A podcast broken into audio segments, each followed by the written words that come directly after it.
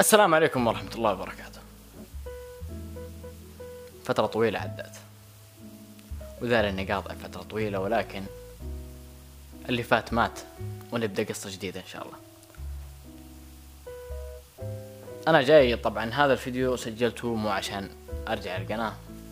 الفيديو عبارة عن رسالة أبغى أوصلها. إلى متى؟ إلى متى؟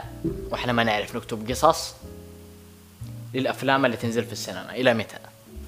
أركان القصة في كتابة الأفلام تعتمد على ثلاثة. واحد. بداية. اثنين. حبكة. الحبكة اللي هي المشكلة اللي هي المشكلة. والخاتمة. الفيلم يعتمد على هذه الثلاث المحاور الرئيسية. سؤالي الآن. أنا تخلوني أتفرج فيلم فيه بداية وخاتمة. أنا ما استفدت. سؤال هنا أنا إيش استفدت؟ لا محتوى زي الناس لا قصة زي الناس. يا رجال حتى الكوميديا اللي فيها بيض. كوميديا بيض. خلاص زمن الكوميديا راح. أيام طاش مطاش عدى خلاص. الآن إحنا في فترة جديدة. الآن صارت الأفلام كلها تعتمد على يعني أنت اذا اشتغلت في أفلام ثانية يا أخي.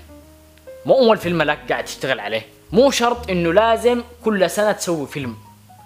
عشان توري الناس إنك والله تقدر. مو شرط. في النهاية أنت خسران أصلا في النهاية. يعني يعني مو مو مجرد إنك قاعد تنزل فيديوهات إنه الفيلم نجح. مو معناته إنه نجح يا أخي. ممكن عندك نجح في المنطقة اللي أنت فيها لكن برا ما نجح. ليش نكذب على أنفسنا؟ إي نعم في أفلام ناجحة. يعني تدخل فيلم ما تبغى تفوت حتى لحظة من من الفيلم. تطلع من الفيلم وانت مرتاح الصراحة. أنا خرجت من صالة العرض وأنا مبسوط. مبسوط. جلست أتذكر الفيلم كل ما أشوف حاجة تشبهه. ليش؟ لأني شفت قصة كاملة. مو تعطيني قصة بدايتها كلها كلام فاضي.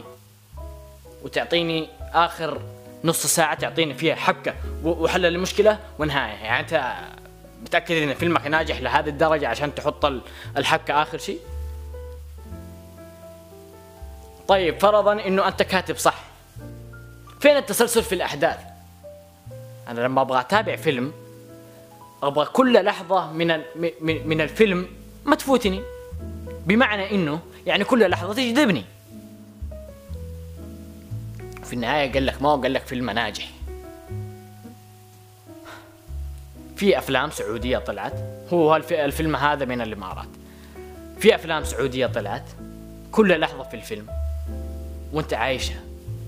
كل لحظة ما تبغى تفوتها. في عندك فيلم حد الطار.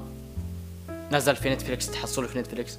في فيلم شمس المعارف. صح إنه قصته مي بالمرة لكنها تعتبر كويسة. من ناحية يعتبر كويسة. وفي أفلام نزلت غيرها وما لقت النجاح. ليش؟ لأنه نفس القصة حقك يعني. ففي النهاية مو كل فيلم لازم ينجح.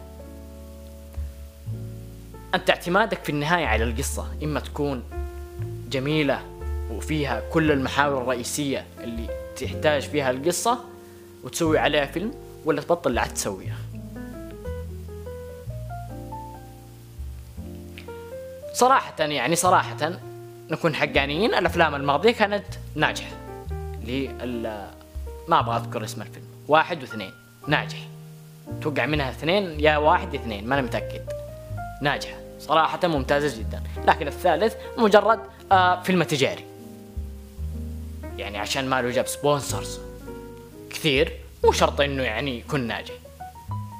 في النهاية أنا قاعد كل الفيلم أشوف إنه قاعد يروج لمطعم له. بالله هذا نقول عنه فيلم. في فرق ما بين الأفلام التجارية والأفلام اللي تصنع لعين المشاهد عشان يعيش الجو فيها. حبيبي إذا إذا إذا إذا في بالك فيلم كونه.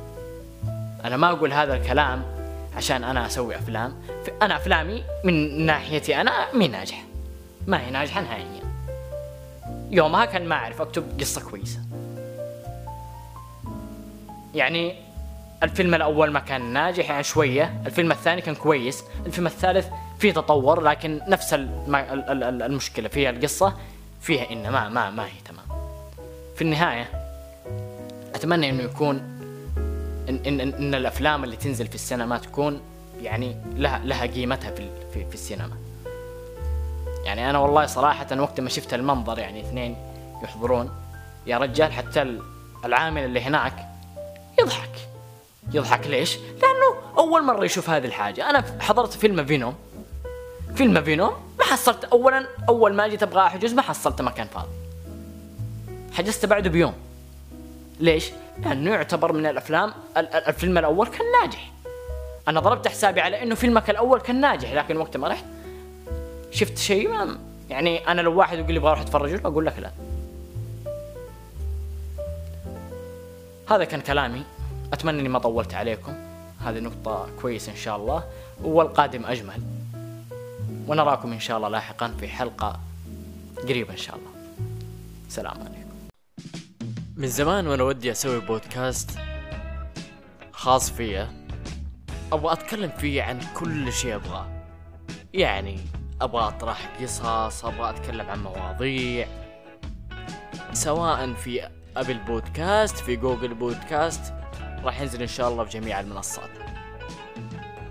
أنا اللهم أبغى أسوي برنامج صوتي متكامل تقدر تستمع له في أي وقت وفي أي مكان.